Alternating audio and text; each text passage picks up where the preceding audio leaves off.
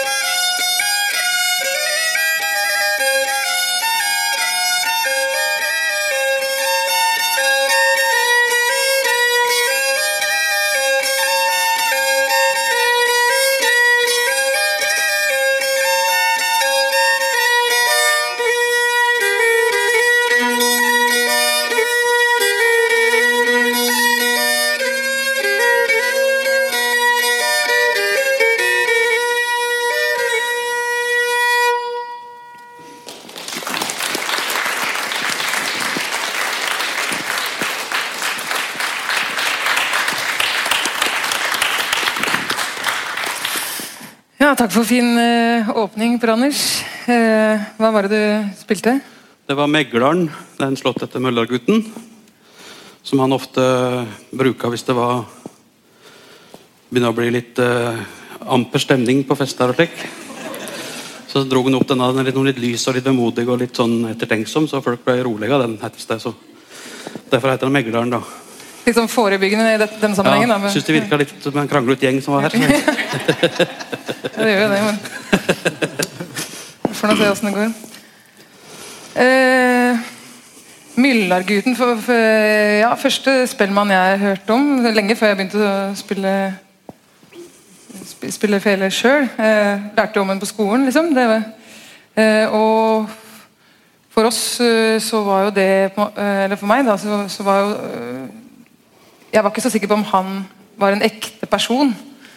Eh, eller ikke, men eh, det var han. Um, Det er noen som blander den med veslefrikk, faktisk. Men eh, det er ikke samme person, nei. men eh, hvem var Myllargutten? Han var um, i sin tid Han var, var vel en av de første virkelig store kjendisene i Norge, kanskje, når det gjelder musikk. i hvert fall. Uh, ble jo tatt til hjertet av Ole Bull. Var han som fikk den fram på, som et nasjonalsymbol, da, som de sier. Han var født i De er litt uenige om han var- født i 1799 eller 1801, da. men han var i hvert fall født. Og så døde han i 1872. Og har vært en slik eh, en av de virkelig store i både telemarkstradisjonen og egentlig på nasjonalt nivå òg, eh, en av de største legendene i norsk eh, folkemusikk, rett og slett. Han, eh, han reiste mye. Ja. Det, man må jo også ha hatt eh, en del å si i forhold til å Ja, det er en slags eh, ja, det, å, det å få seg et rykte, da, det er jo så lett i dag, på en måte. Man kan jo bare gjøre noe dumt, så er det gjort. Men før i tida så krevde det jo litt mer. Da, for, for at ordet skulle gå, så, så var det ofte hold i det, da. Eh, eh, og jeg har tenkt på mange ganger at eh, For, for Myllar'n døde jo ikke så lenge før vi fikk opptaksutstyr. Eller mulighet til å ta opp lyd. Jeg har lurt på mange ganger åssen han hvordan det låt når han spilte, men, men en ting som er ganske sikkert, er at det, det må ha vært bra.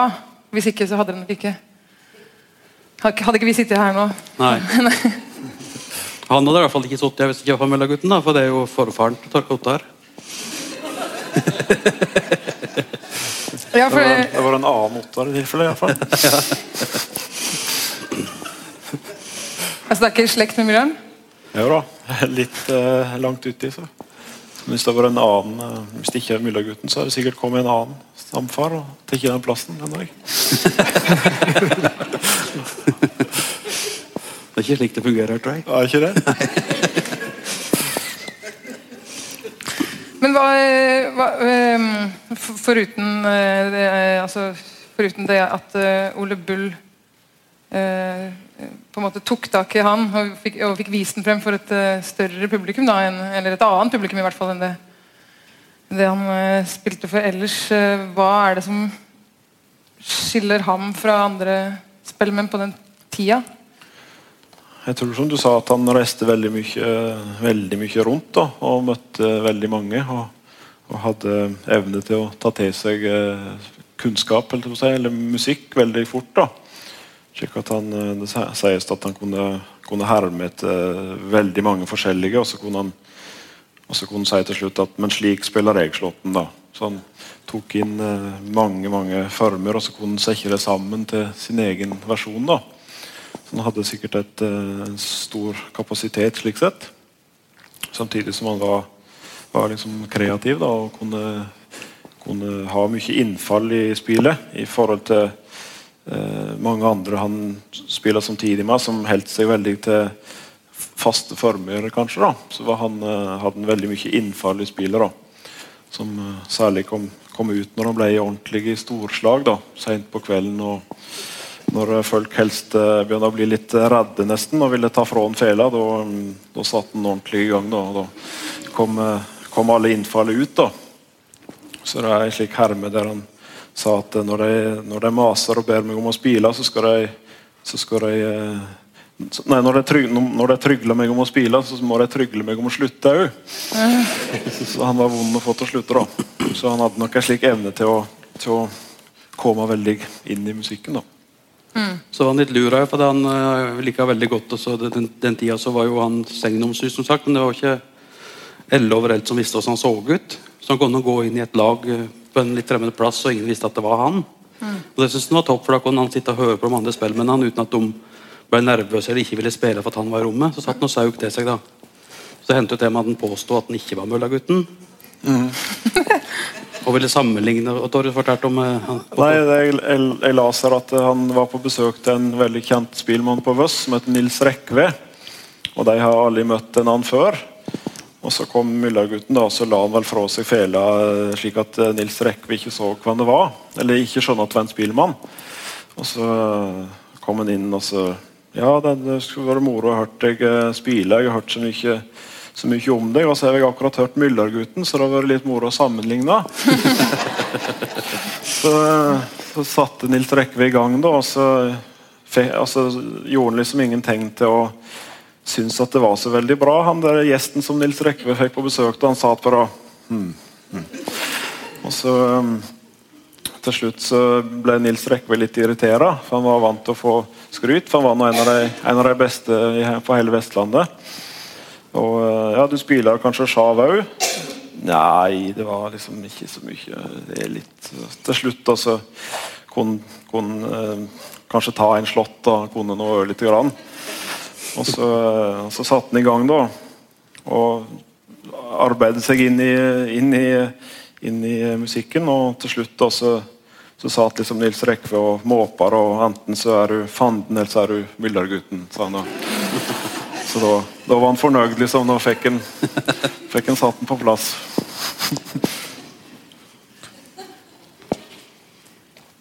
Det, må- eh, det må jo ha vært eh, Ja, det må jo ha vært noe med en ut, Det tenker jeg utover eh, at han var eh, forferdelig god spellemann, altså, er jo ofte eh, Det er jo ofte noe Folk som blir så mm, Ja, som, som blir sånne legender. Da. Det er jo ofte noe mer med, ved de da enn bare at de er veldig gode. Ofte noe med personen deres, eller ofte kanskje mm,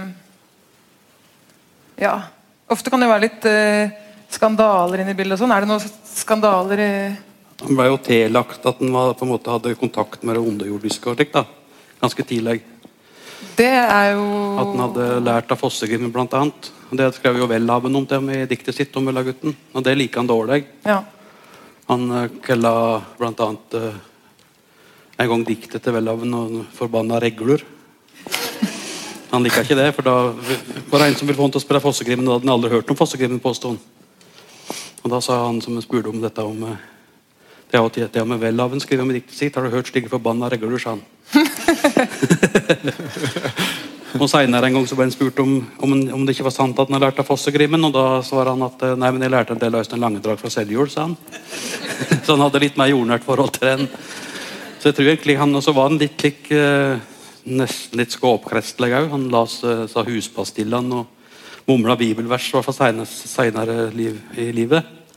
Så jeg tror han egentlig lika det litt dårlig, det der, eh, at han ble assosiert med det underjordiske og det som på en måte ikke hører Bibelen til. da. For han, eh, han, eh, han var sikkert vokst opp med det. jo I Sauværa der han vokste opp, så var det veldig mye pietisme. Mer enn andre plasser i Telemark. i hvert fall i, i forhold til Bø så har det veldig mye. Så han ble sikkert skremt mye fra han var liten av at han måtte helle seg unna fella, og at det hørte djevelen til. Og, så han lika helt sikkert ikke det der å bli assosiert med den underjordiske krafta.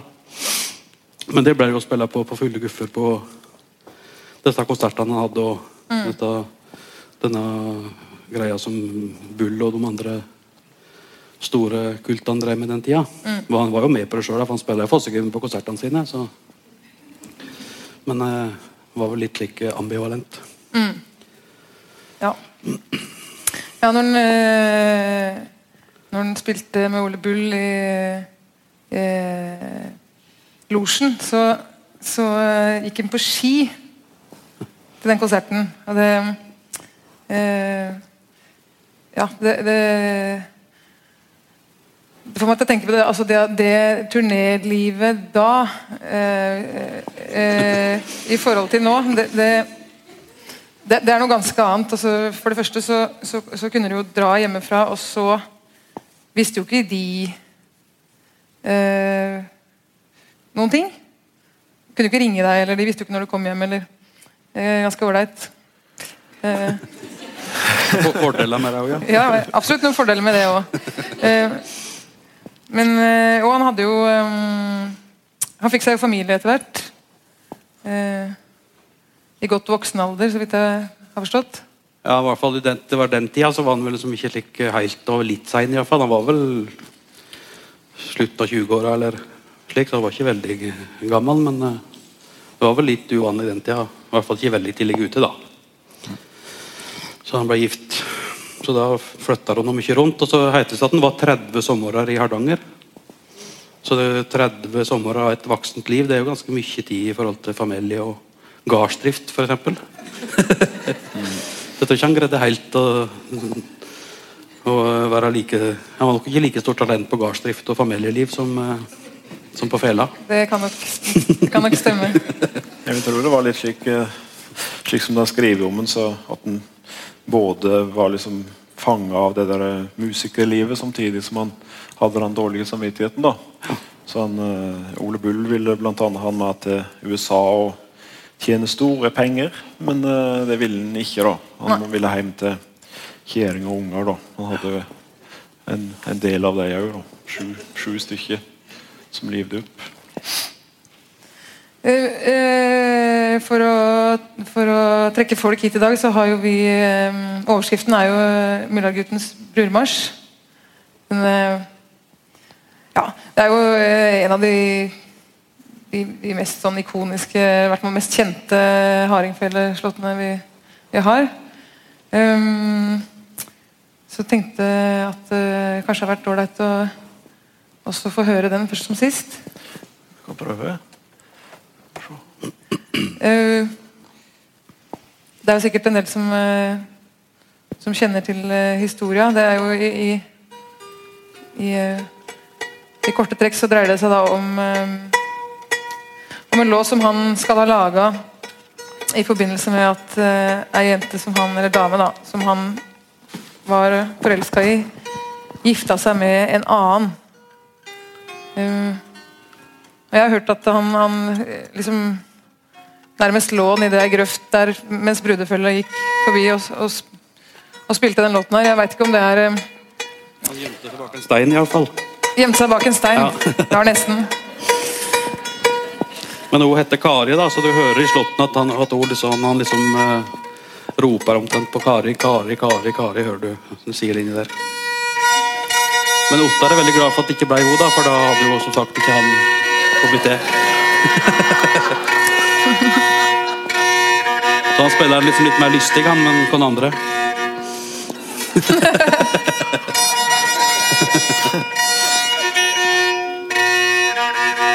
Skikkelig hu- hurraslått. Den blir også kalt eh, brudemarsjens eh, sørg... Nei, Møllerguttens sørgemarsj. Sørgemarsj, Ja. Så det er klart, det er jo en eh, Det er jo ikke noe Det er jo ikke noe gladlåt, så Nei, klart. det er ikke det.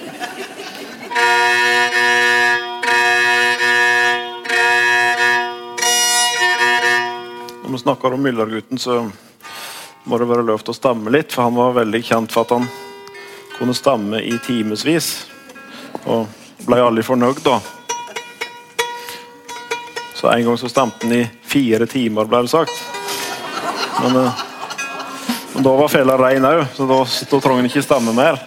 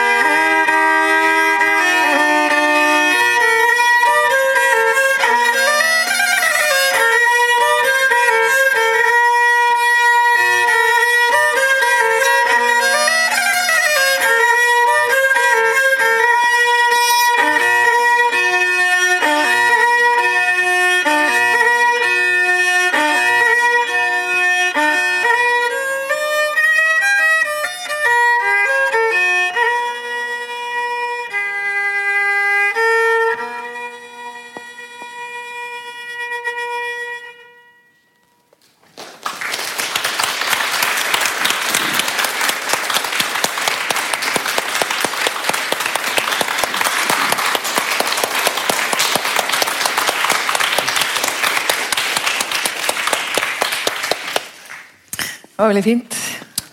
Det. Ja, eh, det er jo eh, Som det her kanskje er den mest kjente låten eh, som vi har etter, etter Myllar'n, så er det jo et ganske overveldende materiale egentlig etter han, som enten eh, Ja, som i hvert fall har gått gjennom han, da.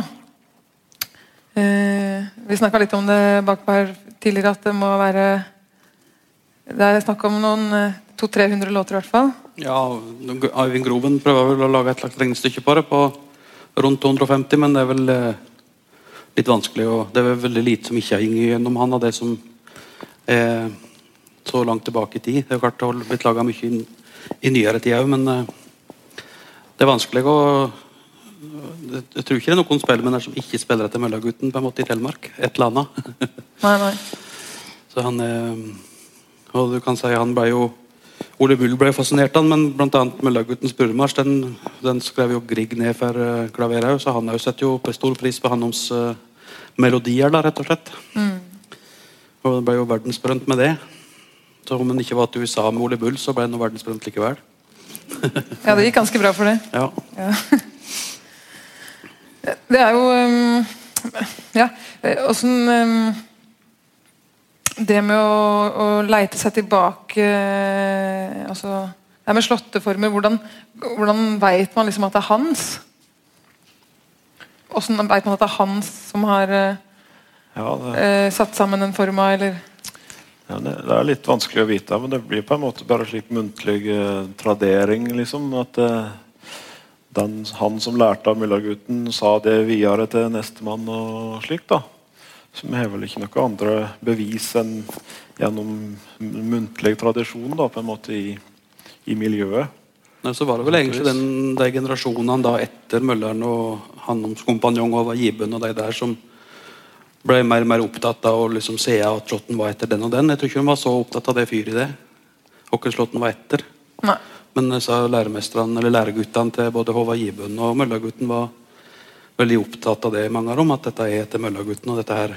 Og da er det jo bare én generasjon fra deg og ned til f.eks. Takjell Haugerud, da, som, er- som videreførte det møllematerialet som Flatlandkara de Bø tok vare på. Så det er ikke sånn eh, Og han er godt dokumentert, så det er ikke sånn vanvittig langt tilbake i tid slik eh, dokumentasjonsmessig. Så og hvis noen lyver, så har det skjedd på én eller to personer siden i levetid. Ja, ja. Det kan jo skje. ja, det kan skje, absolutt. Nei, men det, ja. det er um, Men du hører det ofte på Du kan ganske lett høre som, om det er en møllerslott eller en møllarform, eller om det er Gibøf-slått, f.eks. Eller Fykru, for, for ikke å snakke om. Men hvordan skal forklare det med ord, det vet jeg ikke helt. Nei, kanskje vi heller skal høre en uh, slått til? Ja. Da vil jeg høre, Møllagutten, Mølla, høre om Møllagutten igjen. Vil gjerne blir bare bruremarsj fra nå av. og så kan dere stemme hvem som var best etterpå, og den som var dårligst med å forlate lokalet. Men tenkte ikke du på 20-daleren, da? Ja, vi kan da Hvis prøve du på hadde den. hatt du. ord for det å spille den? For det, Ga han en brormarsj. det var en godt, uh, godt kjent slott etter Møllagutten, det òg. Den uh, har vel han videreforedla fra hva etter han eh, Sagafossen fra Heddal, tror jeg egentlig. Eller var det Det er noe gammelt, om det var Bok- Bokko i, Bokko i Tinn, tror jeg det var. Ja, det er det. Ja, Ja, ja. Bokko.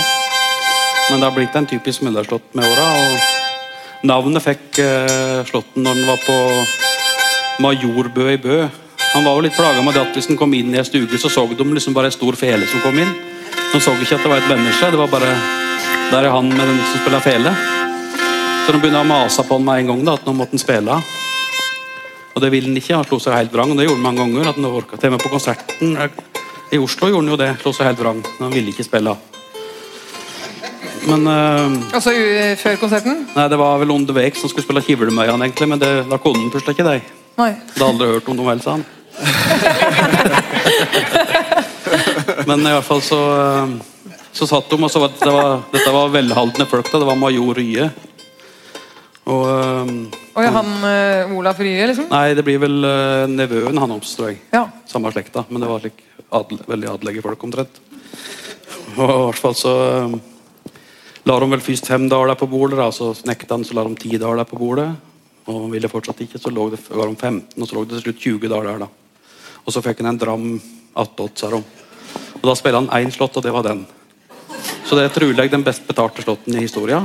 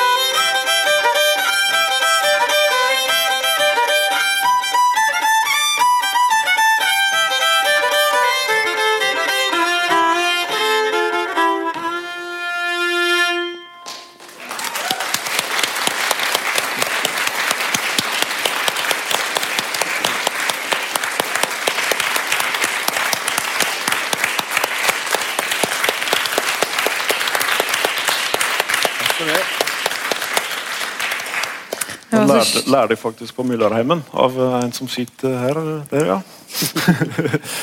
Kom jeg på. Og jeg også.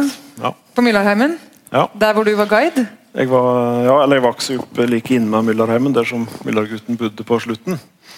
Så eh, når jeg var helt i, i Når jeg begynte å spille fele, så var jeg borte Lars, da, som lærte slåtter av han. Det er også snakk om Lars eh. Underdal, for dere som ikke ser fronten.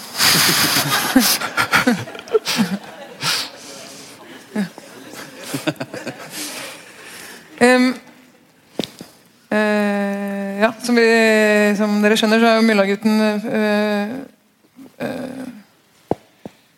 vært eh, forbilde for mange eh, og er fortsatt da det. Eh, hvem var det han liksom lærte av og så opp til? Han var Han var rundt overalt, som jeg nevnte på, men han begynte i Sauherad og en del eh, lokale spellemennene der, annet en som heter Mattis Flathus. Han skulle vært førstelæremesteren. Han har en slott som han kaller opp etter han om. Og eh, Så flytta han seg oppover bygdene eh, vestover i Telemark ganske tidlig. Som gjetergutt. Da kom en som heter Ådne Kvanbekk. Og han var visst ikke så fælt god til å spille. Og jeg tror nok Møllagutten allerede da var mye bedre da han var bare egentlig en smågutt. Eh, men så traff han da på Jon Kjos, som er en sånn storkult storkultig tradisjon. Og det var i Omersdal, samme bygda. Og Da fikk han lov til å komme dit og gjete i stand. Og da hadde han sagt det akkurat idet han skulle reise fra Ådne Kvambekk, for han var visst ikke noe snill heller. Så hadde han sagt det at uh, du har ikke de rette bågastråkene', hadde han sagt. Idet han for. Og senere så omtaler han, var ganske krass i kritikken tror når det andre sitt spill. så Senere så omtaler han uh, spillet til Ådne Kvambekk som at det, det let omtrent som når jeg drog slipesteinfensaen, og den var ikke smurt. Men så var han da hos eh, Jon Kjos som sagt, og lærte han veldig mye. Han Han sa jo det at uh, Kjoseslottet skulle vært lagt i gullskrin. sa han. Men så var det jo en som het Øystein Langedrag, som han traff i tillegg. Han jobba som uh, tømmer, uh, tømrer, så han traff han ganske tidlig i Sauherad. Og er jo senere i Seljord. Men så var han jo i kontakt med Knut Lurås, men kanskje det der med å reise rundt og lære overalt, det tror jeg han eh, lærte seg litt av Knut Lurås, for han var på en måte den første i Telemark som reiste rundt eh, han var rosenmåler òg. Så han reiste bygdene i Valdres og på Vestlandet og rundt omkring og lærte slått der, med Hallingdal. Og det var vel det den tradisjonen eh, overtok han Knut Lurås, først og fremst fra Tinn. Så han var jo ikke helt uh, pioner på det der, men han var nå den store arvtakeren. Ja. Jeg tror han lærte av Rubb og Rake. Om det var en raklespellemann òg, så henta han gjennom det om det var noe bare bitte lite grann. Men som sagt, så, som Ottar sa så Noen sier at han kunne sju former på Nordfjordingen, f.eks. Ja. Og så da sette helt dette sammen til ei egen form. da. Han må ha hatt en ganske enorm kapasitet oppi Ja, Han var vel noe flåghvit. Hva for noe? Flåghvit heter det. Det er ikke, en som kan enormt mye om veldig lite. Men i, sto, i store sammenhengen veldig lite, da. Ja. Jeg tror det var veldig spissa, eh, som er mange slike fløghvit. At Ja. det er veldig spissa kompetanser. Da, slik at det, det er liksom ikke helt kon kontakt med omverdenen, kanskje, på en måte. For at det, det de kan veldig mye om, det er det ingen andre som skjønner noen ting av. Mens det som alle andre greier som veldig lett, det syns de er helt Det syns han i hvert fall da var helt umulig. Ja. Det var nok Som- ikke så enkelt, for I de store lagene var jo han på en måte hylla som en helt, men det var jo når det sto på og var fest. Men når han ble begravlagt, så var det jo bare én i begravelsen, og det var han som rodde den over Totak. Og så aller nærmeste familie, selvsagt, men det var liksom, da var det ingen som brydde seg lenger. Så det var nok litt tungt å være så inni en så eh, avansert materie, og så, så få som skjønner det. da. ja.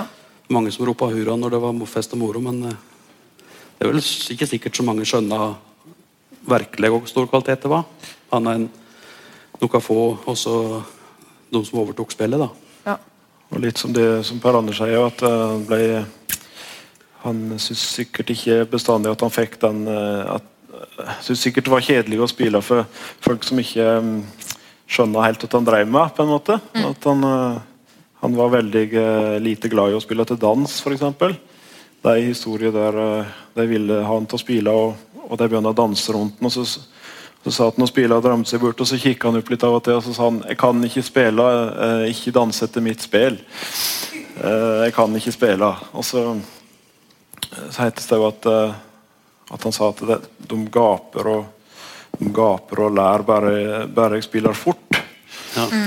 Eh, så de brydde seg ikke om detaljene som han satte pris på. da. Og det, er vel det kan man jo sikkert kjenne mange- seg igjen i. Noen. Noen, noen Ja, det. er vel eh, Ja. du, du vet, Kjenner vel til hele slags uh, populærmusikkbransjer. Ja. ja.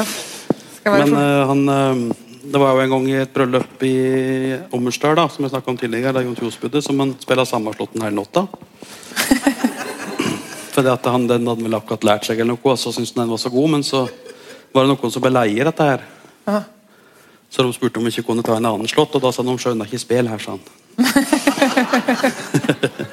Men eh, det er en annen variant av historien var det at de hadde lest eh, Nei, det var Trasjen, det. Ja, Det var en annen ja. slått. Og da, den som, den, det bryllupet som kom i, så det var jo på Rauland, det. På Juvland. Men han spilla en som han kaller for Trasjen òg, på Eskvam i Ommersdal. og da for da leste de inn i Brennevinefenn, og da spiller han bare den i uendelig. og Den er helt ganske vanskelig å spille danse etter. Mm. Den er ganske den er, den er fin, da. Ja, den er jo det. Men det er vel en av de som uh, han hadde etter, annet Ola Naper, da. Ja. Som uh, var den, han som ble Trasjen. Han gikk så rart. Jeg tror det var møllagutten som kalte han Trasjen, rett og slett. Ah. Han, han traska liksom sånn når han gikk. Han var fæl til det og så å det ikke V-navn på folk. ser du. Altså, det er jo laga slåttestev. Mange av disse kjente slåttestevene er han som har laga. Faktisk. Som er litt, og det er ofte litt sånn spiss eh, Litt sånn eh, ja, sånn Jaran Skinnaland. Spille om du kan, Jaran Skinnaland'. Den er liksom litt Han var ikke kjent for å være så god til å spille. her. da. Nei. Så da laga han et slåttestev til den slåtten som han spiller mye. Så egentlig ja, spille om du kan, Jaran Skinneland. Det er litt uh, ironisk tone der. Ja, det var litt dårlig gjort, nesten. Ja, han var litt slik eh, Han ser jo, vi jeg har alltid tenkt at han ser litt sånn bisk ut på, på bildet. da. Ja. Det gjør jo alle på bildet liksom for lenge siden. da. Men, Ja. alle sånne gamle bilder ser folk helt Men det har med lukkertiden på kamera å gjøre.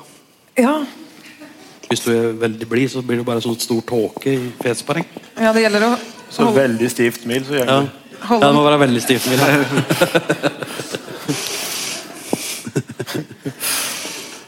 Eh, jeg lurer på om vi skal ha litt eh, mer musikk. Ja. Det, Jeg tenkte på eh, Det var jo sågur til slåttene med prata om. Det var ikke bare Møllagutten.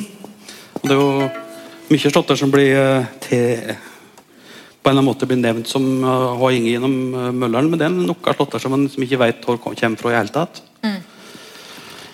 En av dem en som heter Siri Rukaren. Den er jo egentlig eh, i hvert fall den varianten jeg spiller, den er fra mine heimtrakter. da, sånn Bø og akkurat grensetraktene mellom Bø og Sauherad. da, Hørte. Og Det er jo en plass som møllagutten òg bodde ei faktisk, der på Rukaren. Når han var liten, og faren hans var møller der på Rukarmølla. Og den vet vi ikke hvor kommer fra i hele tatt, men eh, vi har jo sterke mistanker. da, for hun Siri hun hadde en eh, mann som var spellmann. Og så var han så fæl til å bli lenge borte om gangen, han òg. Han skulle bare ende bort i nabogården og spille, han. På Askilt. Men uh, han kom ikke hjem igjen, og så ble hun litt redd. For at det er litt ferdig juv der ned mot liksom den Rukaren der, den fossen der. Så han var redd at den har blitt full og så datt utafor der og ødelagt seg. Så var det ei bru over der, så gikk, gikk hun, så hørte hun felespill nede i juvet der. Så trodde hun at det var mannen, da, vet du, så, eh, så um, ropa han etter du, ligg nedsett, han satt, nå får du komme, da, ikke sitte der og rote. Og han svara ikke, bare spilla videre, så gikk hun halvveis ut på brua. Da plutselig var det noen som satte seg oppå akselen hennes, satt oppå og spilla denne slåtten. Men fyret hun gikk ut, utpå, så var det akkurat som om den sa Siri Rukeren, gå til bars. Siri Rukeren, gå til bars. Men da ville de ikke høre på det, så jeg gikk utpå. Da satte dette veset seg på aksjen hennes, og så ble hun aldeles rykt sammen. Og så spiller han videre. Du skal få danse mettere, du, spiller videre, da, heter det. Og hun ble helt forferdelig og reiste hjem igjen. Og så gikk det beite, så kom mannen hjem igjen. Og Hun fortalte dette for alle som hadde skjedd, men han spurte ikke om hvordan det gikk med noen ting. bare, han spurte om hun huska slåtten. og det gjorde han. Men det fæle var at hun ble jo krylt, som jeg sier. da, Hun, jo, hun gikk jo eh, dobbelt resten av livet, hun Siri. Hun klarte ikke å reise rett opp av ryggen.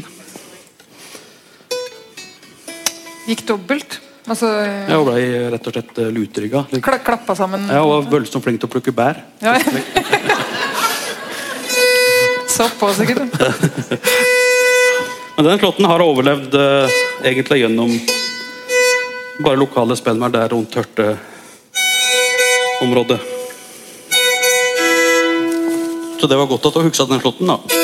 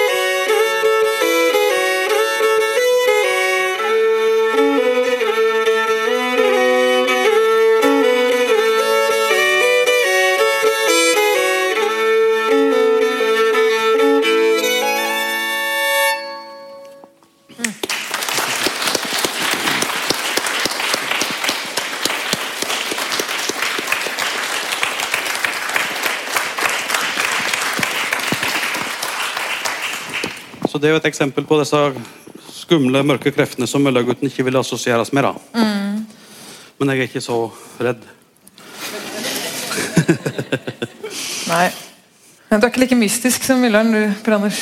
Nei. Du syns ikke det, nei? Nei. Jeg er mystisk nok, da, for så vidt. Eh, som vi, vi, vi eh, han, eh, han, han levde jo på en måte altså Han levde jo av å spille eh, fele, eh, selv om han eh, Ja, eller i hvert fall eh, det var en, en stor del av inntekta hans. Jeg tror det måtte ha vært det. for Som, som jeg snakket om, så tror jeg ikke han tjente så mye på eh, dette andre han drev med. Eh, Altså det praktiske arbeidet på gården og slik. Så han ikke, ble aldri rik, men han eh, hadde jo en, et lite oppsving da, etter at han spilte her i Oslo i 1849. I, i hop med Ole Bull og, og slik, i losjen. Når han kom på ski, som du sa. Og... eh, og da fikk han så mye pening på de eh, konsertene der eh, at, eh, at han fikk kjøpt en gard. da. En, en stor og fin gard etter hans standard, på en måte, da, i, i Arabygda. Så da drev han gård. Da drev en gard i en slik ti-elleve år, var det vel. da. Og, eh, og han eh, var så grusomt eh, nøyen, som jeg nevnte, så han eh, kom litt, ble aldri ferdig med ting.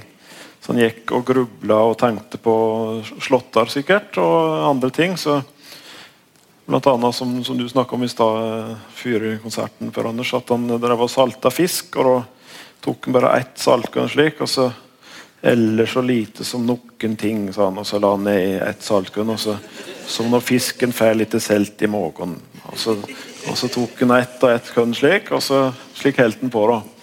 Og kunne eh, når han skulle eh, spikke seg eh, ei sleiv til å ete med, eksempel, så bruker han to uker på det. Og når sleivet var ferdig, så var hun så tynn at han knakk på første forsøk. Og, og hvis en skal gjøre slike bitte små ting, som av og til så ble en så i, i rådvill at han måtte helt ut til Rauland og spørre en som heter Rikard Berge, som var ordfører der. da, og måtte spørre om råd. da, Så kom han tilbake og så kunne han gjøre denne vesle tingen. da, så Det tok forferdelig lang tid, selvsagt. Han klappa kantene. Hvis han måka sno, så klappa han liksom kantene for det skulle være helt fint. Ja, Han var jo litt perfeksjonist. ja, og bruka en dag på å slå et lite slikt som, som er glassrute. er det sagt. Så han bruker kniv og, og slik. Så det, til slutt da, så gikk ikke dette her lenger, så dessverre så, så måtte han flykte til husmannsplassen. Eller han fikk satt opp en husmannsplass på den gården han har. da. Og der, der bodde han det siste, siste året sine. da. Ja. Men han, eh, han tjente nok bra òg relativt sett da, i perioder. Men eh, han hadde sikkert ikke så god greie på å styre penning, og hadde med seg folk som, eh, som heller ikke hadde så god greie på det. Oh, ja. Eh, som, eh, som drakk opp eh, konsertpenningene hans, er det skrevet om. Og eh, ja, det var nok eh, litt smått.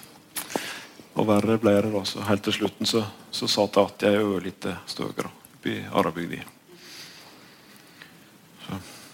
Døde han før kona si? Ja, det gjorde han. Så hun hadde, hun hadde Hun er jo ofte ikke så mye nevnt, da. man. Nei, det, Det er jo med, det er like greit, det. Altså, holde, holde de damene litt unna. Men uh, hun sleit nok, ja. Det var nok hun som helt, helt eh, familien eh, i hop, på et vis. Mm. si. Jeg kom på en liten historie. Jeg eh, hørte at hørte snakk om det at eh, Eller det var snakk om at andre At, ikke, at han kunne gjemme seg og, og um, late som han ikke var Møllergutten. Men det var jo andre som kunne late som det var Møllergutten og, for, og tjene pening da, på, på hans suksess. Så eh, det var visst slik at det kom noen fra Vinje som kjente ham ut forbi Jungstorget. Og da var det noen som satt og spilte, og det lette helt forferdelig. Mm. ei hardingfelle inne i en plass, og da sto det 'Myllargutten holder konsert'. så Så, så vars, varsla han han som drev plassen der og sa at dette her er ikke Myllargutten. Ja, men uh, han, er, han, har dops, han har vist meg dåpsattesten sin, og alt var på stell. Men uh, han ble nå stoppa, da. Så det var sikkert mange som, som uh, syntes det var greit å tjene litt ekstra da, på å kalle seg Myllargutten. da. Ja visst. Ja, det var fordelen med at det ikke, folk visste åssen han så ut. Ja. Det er jo felemakere som har holdt på sånn nå. Ja, ja, ja. Det, ja.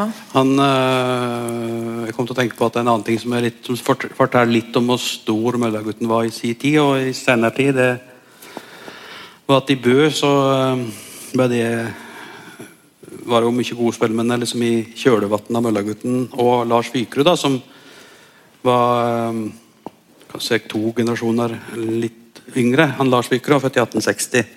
Han opplevde alle møllaguttene, men de var saueringer begge to. Eh, Men far til Lars, Hans, han var litt med Møllergutten. De tåla ikke en annen, for de ble for store for en annen.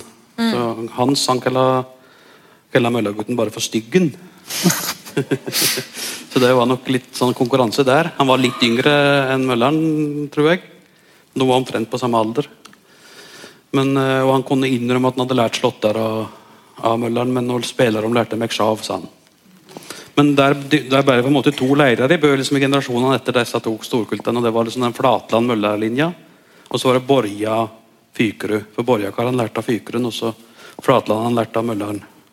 Og Der var det ganske stor splid. så Enten så var det liksom, i hvert fall mange da, Enten var det Flatland Møller, eller så var det Fykerud Borja. Det var liksom som Stones eller Beatles. Ja, og det er faktisk ikke så veldig mange år siden at eh, Det er bare et par år siden at han siste som jeg i hvert fall traff, da, som eh, fortsatt var i den der eh, kranglinga der, fortsatt drev og holdt på og var sinna på Fykerund og fortsatt helt bare med Mølleren. Han, levde, han døde faktisk bare for et par år siden.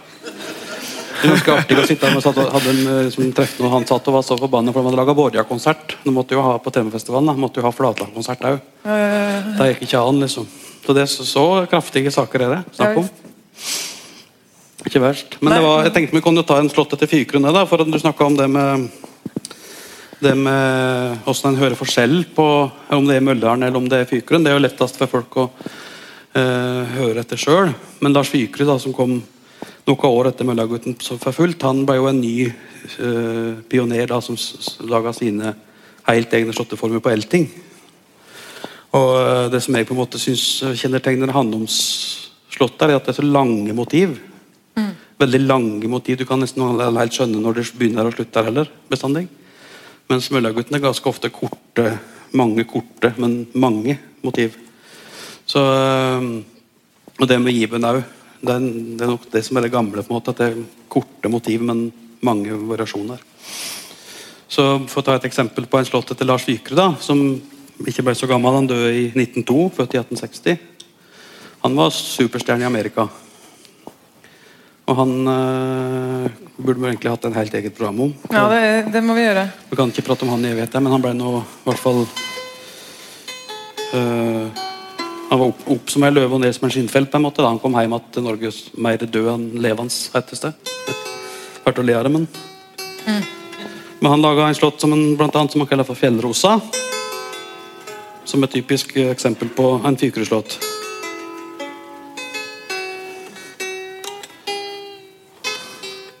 Og det hadde han bygd på Klart Han vokste litt opp i den nasjonalromantikken da, og spilla litt på det på konsertene sine.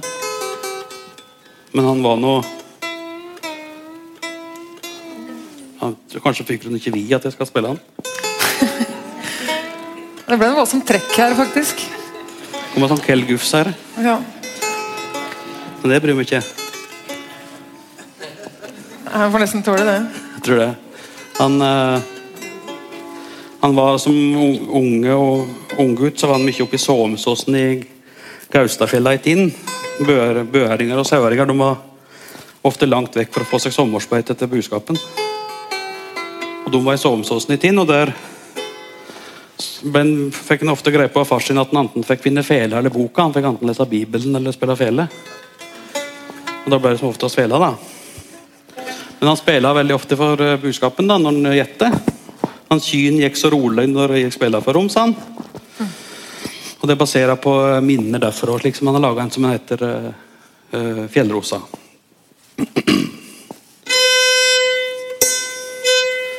Og den har jeg uh, Ikke beinvekst fra Lars Fykerud, selvsagt.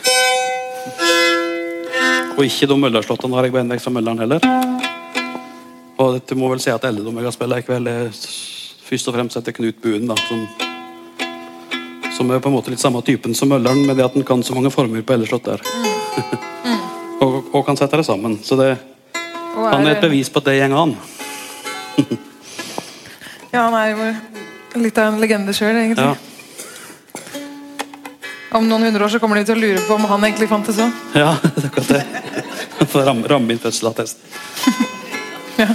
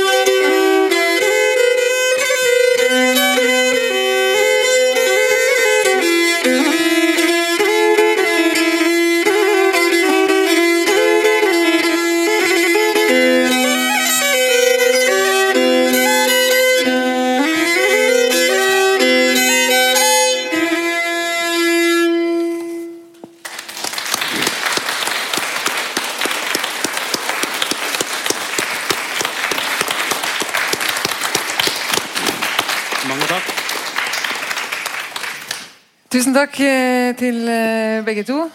Ottar og Per Anders. Vi, vi er eh, ved veis ende. Vi har ikke lov å holde på lenger. vi må takke for at dere kom og hørte på. Det var, det var hyggelig. Og så, eh, hvis dere vil vite mer om, eh, om Myllar'n, så er det jo faktisk eh, eh, Det fins jo en god del dokumentasjon faktisk på han i forhold til veldig mange andre spellemenn, kan man si. Mm. Og nå er vi jo på biblioteket, så Her burde du finne litt. burde nå gå an å finne fram. Det, det, ja, vi burde gjøre sånn her oftere med, med mange men egentlig. For det er jo mye Det er klart det er en del som er skrevet ned, men det er mye som ikke er det. Og for oss og dere som er eh, interessert, så gjelder det å suge til seg de historiene man hører, og så fortelle dem videre. Ja. Takk for i dag.